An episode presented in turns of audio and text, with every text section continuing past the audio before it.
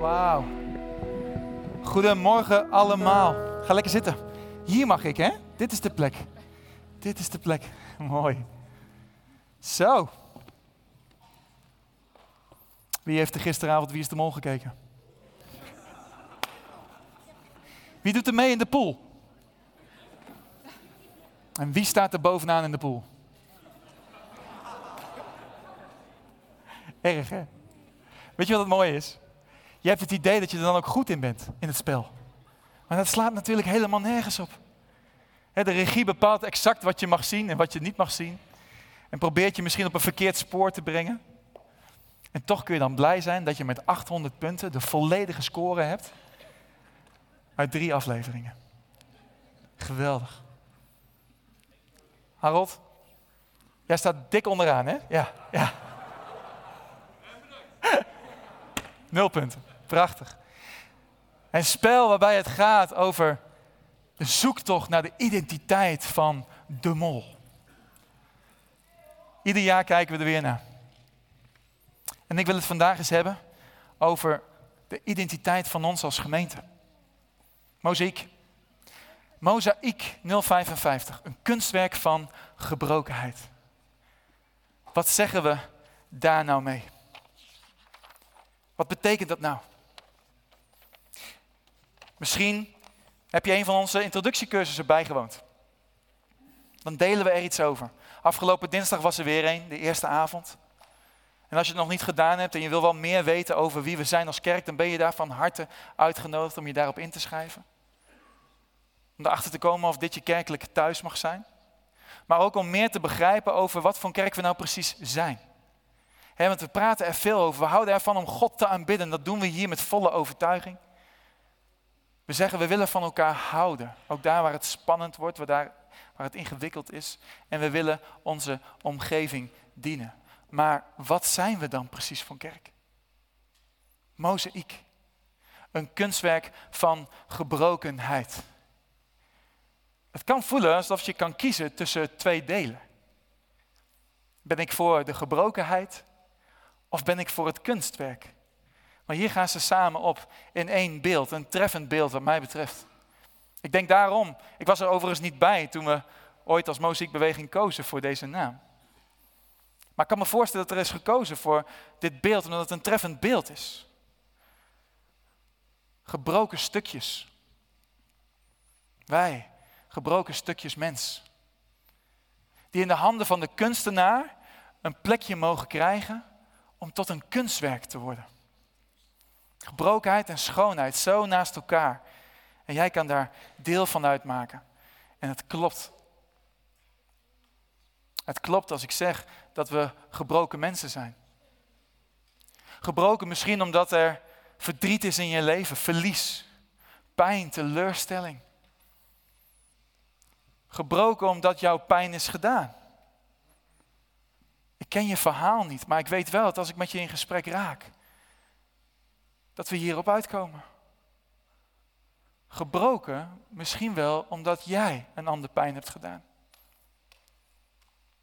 Zijn dat de verhalen die we hier mee naartoe mogen nemen? Maar we weten dat het veilig is in Gods handen. We weten dat het veilig is in de handen van de kunstenaar.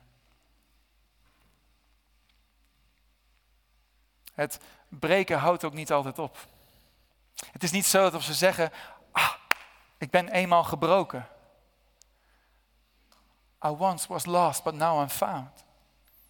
Kennen we wel, Amazing Grace. Alsof het iets is wat is gebeurd is in het verleden en we staan nu in het heden. Het is goed. We zijn perfect. We zijn nu een kunstwerk geworden. Nee, we zijn een kunstwerk van gebrokenheid. Het, het breken gaat door. Ik moet denken aan toen ik nog maar net bij Decathlon werkte. Sommigen weten het, ik ben nog maar sinds kort overgestapt van Decathlon, een grote firma, wat handelt in sportartikelen, naar muziek, een kunstwerk van gebrokenheid. En toen ik daar nog maar net begonnen was, was het om en nabij 2012. Crisis. Je greep alles aan wat, je, wat er lag. Een beetje de omgekeerde wereld van nu. Nu heb je overal banen in aanbod. Je kunt kiezen wat je wil, maar toen Was er een overschot. En ze hadden mij weten te strikken voor de retourafdeling van Decathlon. Online retouren. Ik had ja gezegd, dat is goed. Ik ga ze wel behandelen. Stond ook bij retour manager, klonk stoer. Wist ik veel dat ik in mijn eentje vieze pakketjes mocht openen van mensen die spullen terugstuurden, die ze al een aantal keer gebruikt hadden. Het was een smerig taakje. Stond er in mijn eentje. Ik was mezelf aan het managen.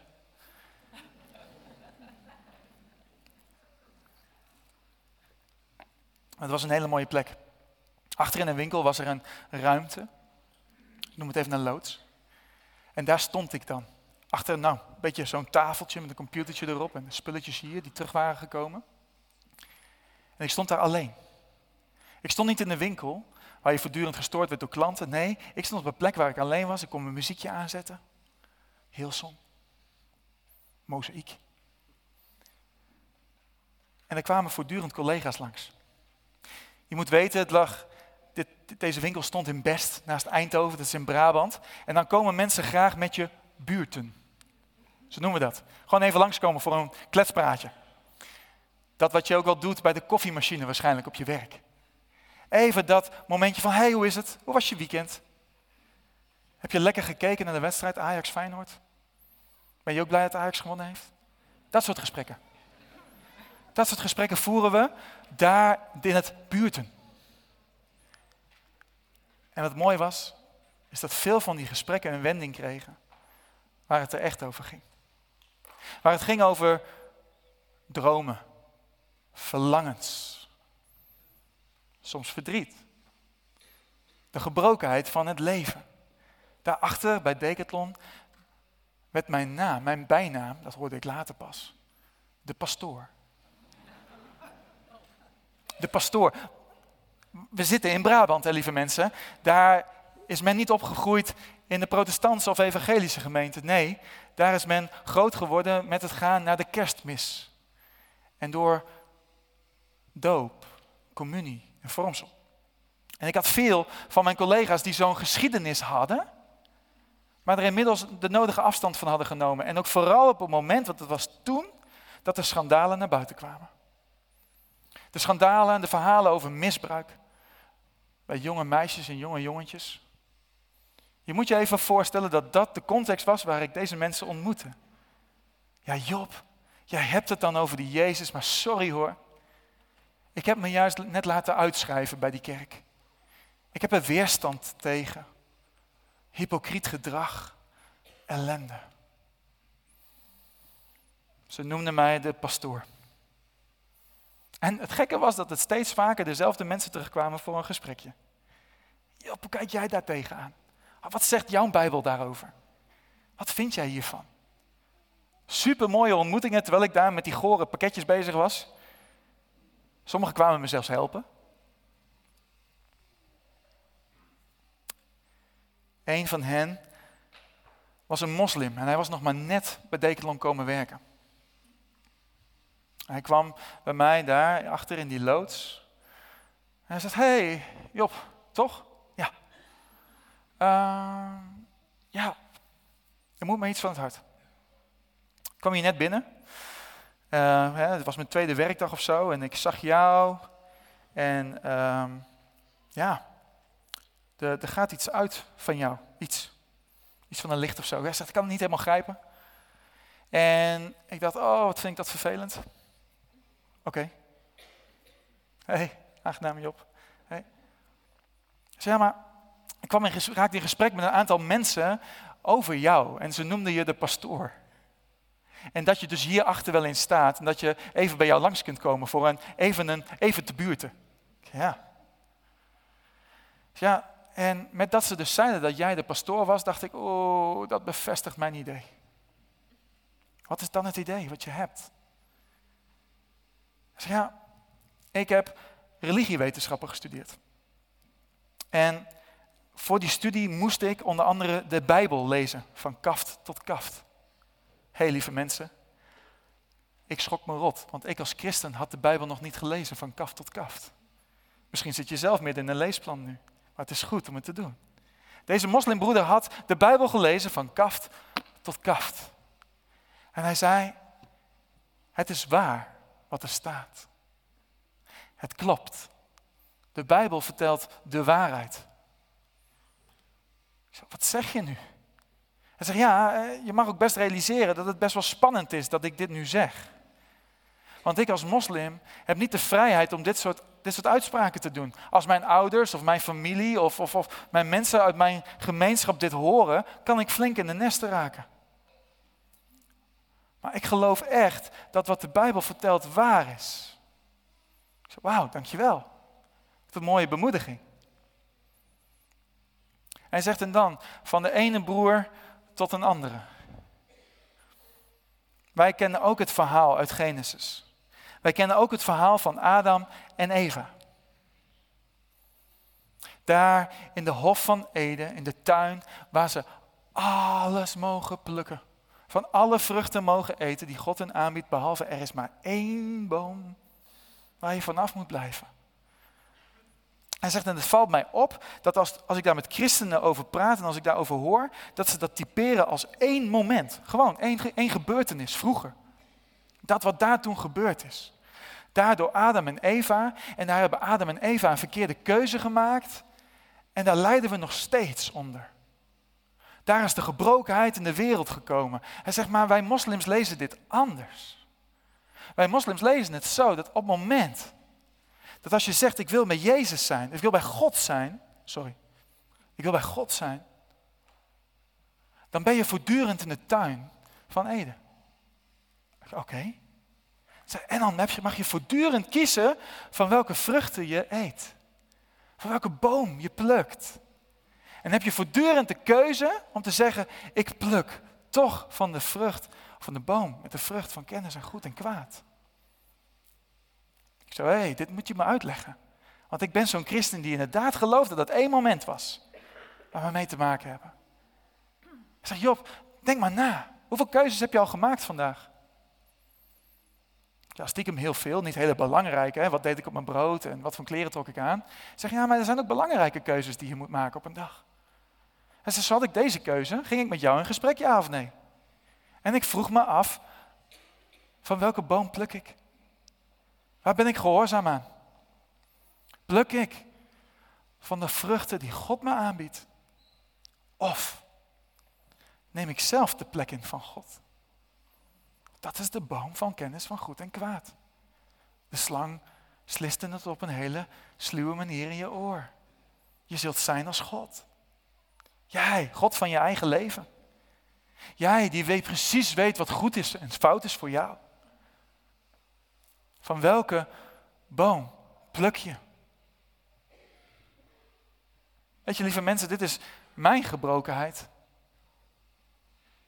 Dit is de spanning in mijn leven, iedere dag, keer op keer. Misschien ieder uur wel. Ben ik gehoorzaam? Of ga ik mijn eigen weg? Want ik weet toch wel wat goed voor me is. Soms zelfs in het gebed. Heer, alstublieft. Of is mijn gebed, u wil geschieden. U wil geschieden. Daar waar die spannend wordt. Daar waar die ingewikkeld wordt. En deze moslimbroeder bracht me op dat pad. Ik denk dat het gebroken worden niet een eenmalig moment is. Daar, nee, daar waar de keuze is gemaakt om de gebrokenheid in de wereld te brengen. Die keuze hebben jij en ik iedere dag voor ons. Ook vandaag en ook morgen. Maar daar bleef het niet bij. Hij zei, want de Bijbel vertelt niet alleen dat ene verhaal, Job, het is niet gestopt bij Genesis. Nee. Het vertelt Gods verhaal van herstel. Niet gebrokenheid, nee, een kunstwerk van gebrokenheid. God is bezig te herstellen. Een mooi treffend beeld, dat muziek. Is het dan ook bijbels? We vinden het woord mozaïek één keer in de Bijbel. Eén keer. En dan gaan we even een gekke sprong maken, lieve mensen. Want we zitten natuurlijk nog met kerst vers in de gedachten. We komen nog maar net daar weg. Maar we gaan nu al richting Goede Vrijdag. We lezen in Johannes 18 en 19 en ik ga je echt vragen om dat thuis te doen. Het is te veel om nu daar helemaal doorheen te gaan. Maar we gaan naar Johannes 18 en 19. Waar we het verhaal lezen over het verraad van Judas. Als die Jezus verraadt met een kussen, Jezus wordt gevangen genomen. Hij wordt naar de hoge priesters gebracht. En Caiaphas leidt hem naar Pilatus. Degene die is aangesteld om orde te houden over Jeruzalem. door de Romeinen. En daarin was het belangrijk dat Pilatus op goede verstandhouding hield met de, hield met de Joodse elite van die omgeving, daar in Jeruzalem. En zo had Caiaphas en de zijnen hadden Jezus bij Pilatus gebracht. Want Pilatus moest een uitspraak doen die de Joodse elite zelf niet kon doen. Die ze bij wet was verboden. Zij mochten niemand ter dood brengen. Pilatus kon dat wel. En met de nodige beschuldigingen leverden ze Jezus af daar aan het hof van Pilatus. En Pilatus ging, ondervroeg Jezus op al die beschuldigingen. Maar de conclusie was elke keer weer dezelfde. Pilatus kwam weer naar buiten en hij zegt, ik kan geen schuld vinden bij die man. Ik vind geen schuld. Dat alles wat je over hem zegt en noemt, ik vind geen schuld. En dan lezen we in Johannes 19 dat Pilatus zich bevindt op het mozaïekterras. Daar staat zijn rechterstoel. Op het mozaïekterras, Gabata in het Hebreeuws genoemd. Daar vinden we de enige keer het beeld van een mozaïek. En kennelijk vindt Johannes, de schrijver van het evangelie, het belangrijk om dat te benoemen. Pilatus gaat rechtspreken op het mozaïekterras. En omdat Pilatus geen schuld kan vinden, maar ondertussen ook de druk voelt van de Joodse elite om wel tot een beschuldiging te komen, bedenkt hij een oplossing. Hij doet beroep op een of andere vage regel die de Joden hebben rondom Pesach. Het bevrijden van een gevangene. Natuurlijk. Het verhaal van Pesach draait daar volledig om. De uittocht uit Egypte. Het volk dat uit slavernij komt. Dus ik snap de link met de bevrijding. Maar verder vinden we niet zo heel veel over dit gebruik. Maar kennelijk is het er een. En Pilatus zegt, hé, hey, joh, klopt toch? Volgens jullie traditie moet ik iemand vrijlaten. Volgens mij heb ik hier de oplossing te pakken. En ik zet daar tegenover Bar Abbas. Barabbas. Een moordenaar. Iemand waar het bloed aan zijn handen kleeft. Een brut. Een vijand van Rome. En er staat daar, recht tegenover Jezus. Hier je keuze, volk. Kies maar. Wat een rare keuze als ik dit verhaal lees. Ik begrijp er niks van. Hoezo? Twijfelt er dan ook nog maar iemand?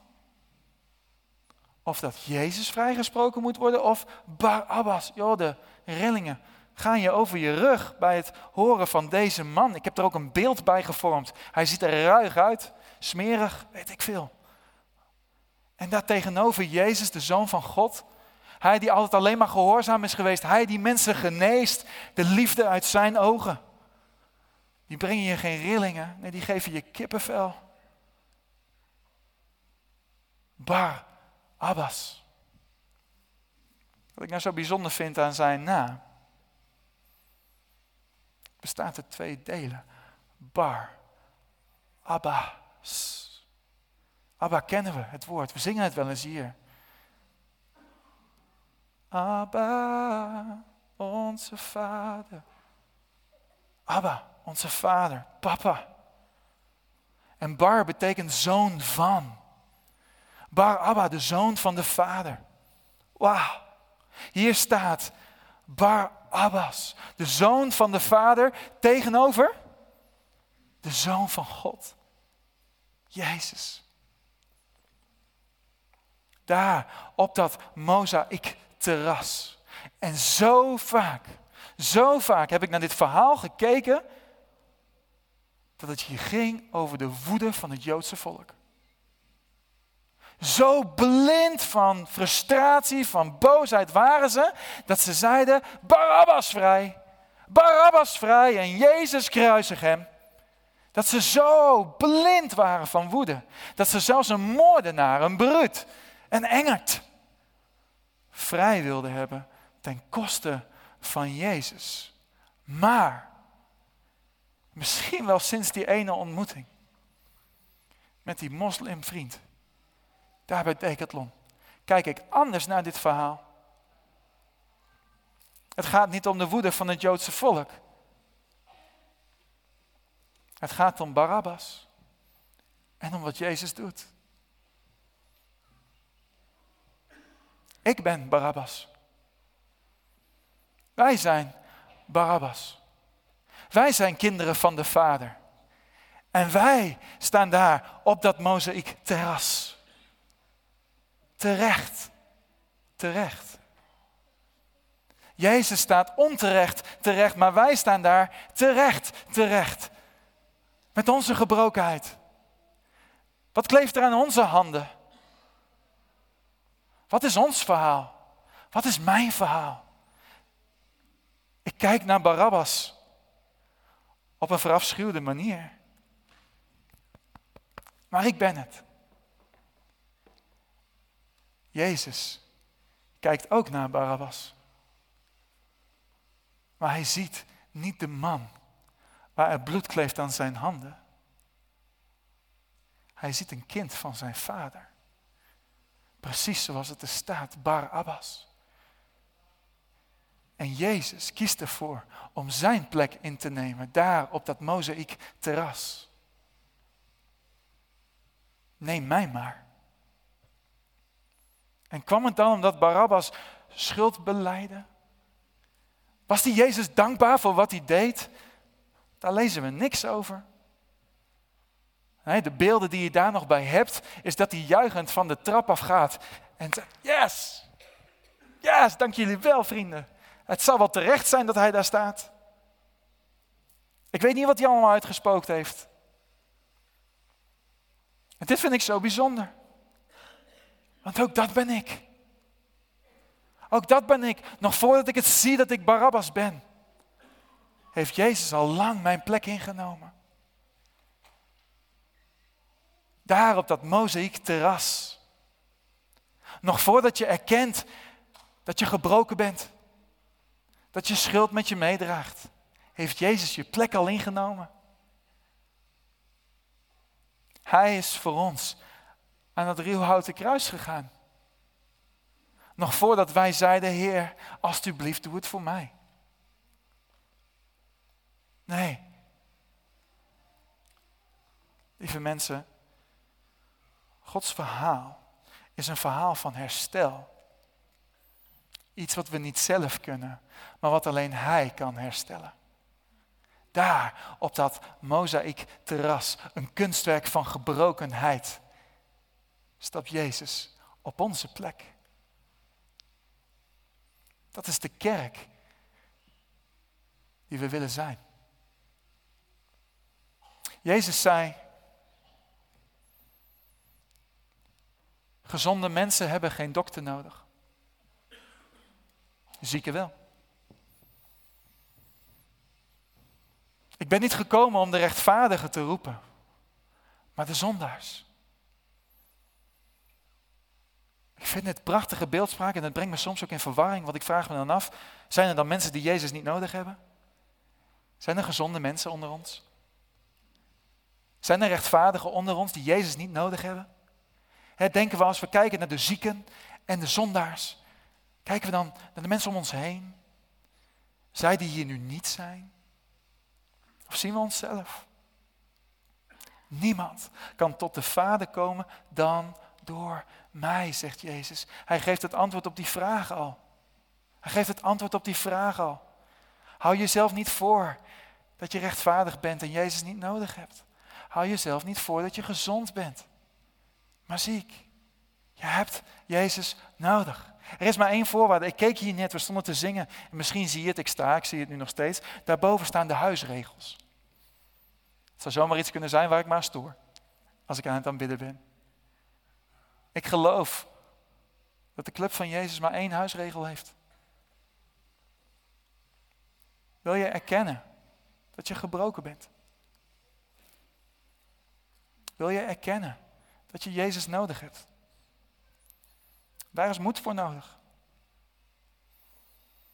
En niet om gebroken te blijven, nee, juist niet. Dat is niet het verhaal.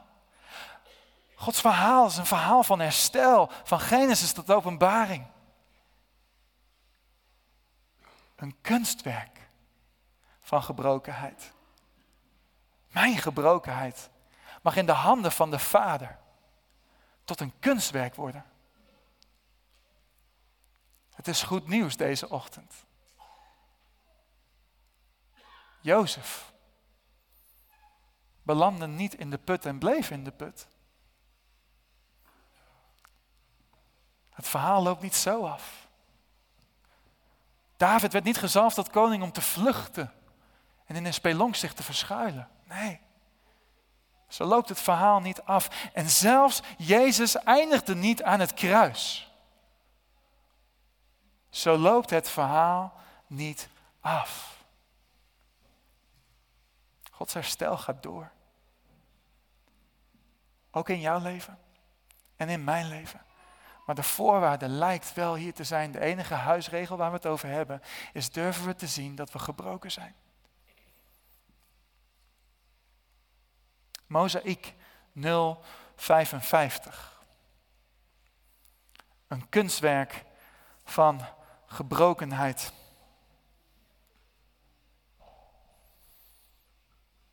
Onze gebrokenheid door de kracht van Gods liefde. Door de kracht van Gods liefde. Geschikt om deel uit te maken van een kunstwerk. Nou, als je naar dat kunstwerk kijkt, dan zie je de hand van de meester. Ken je dat?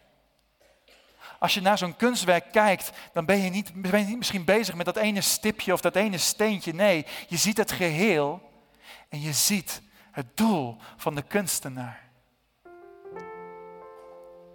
Je ziet de beste versie van jou. Dat is wat God voor ogen heeft. Zijn precisie, zijn vakmanschap van ongekende kwaliteit.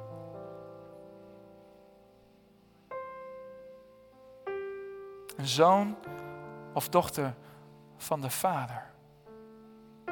Barabbas.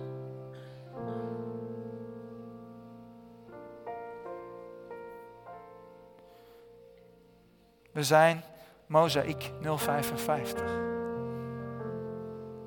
Daar op dat Mozaïek terras.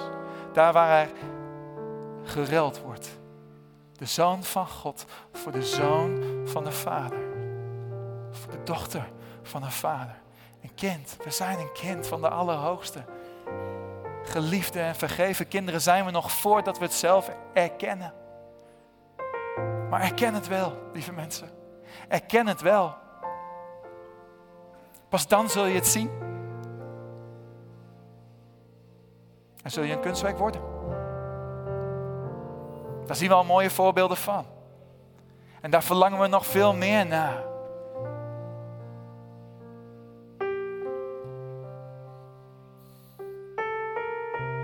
Ik wil met jullie bidden.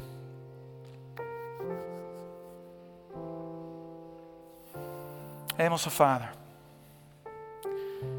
U bent de grote kunstenaar. U weet precies wat we nodig hebben.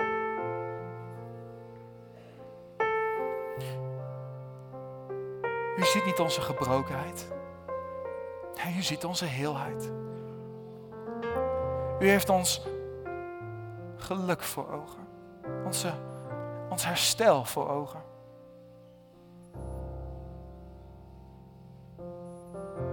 Maar het vergt moed om te erkennen dat we gebroken deeltjes zijn. Ik wil u vragen voor moed. Ik wil u vragen voor kracht.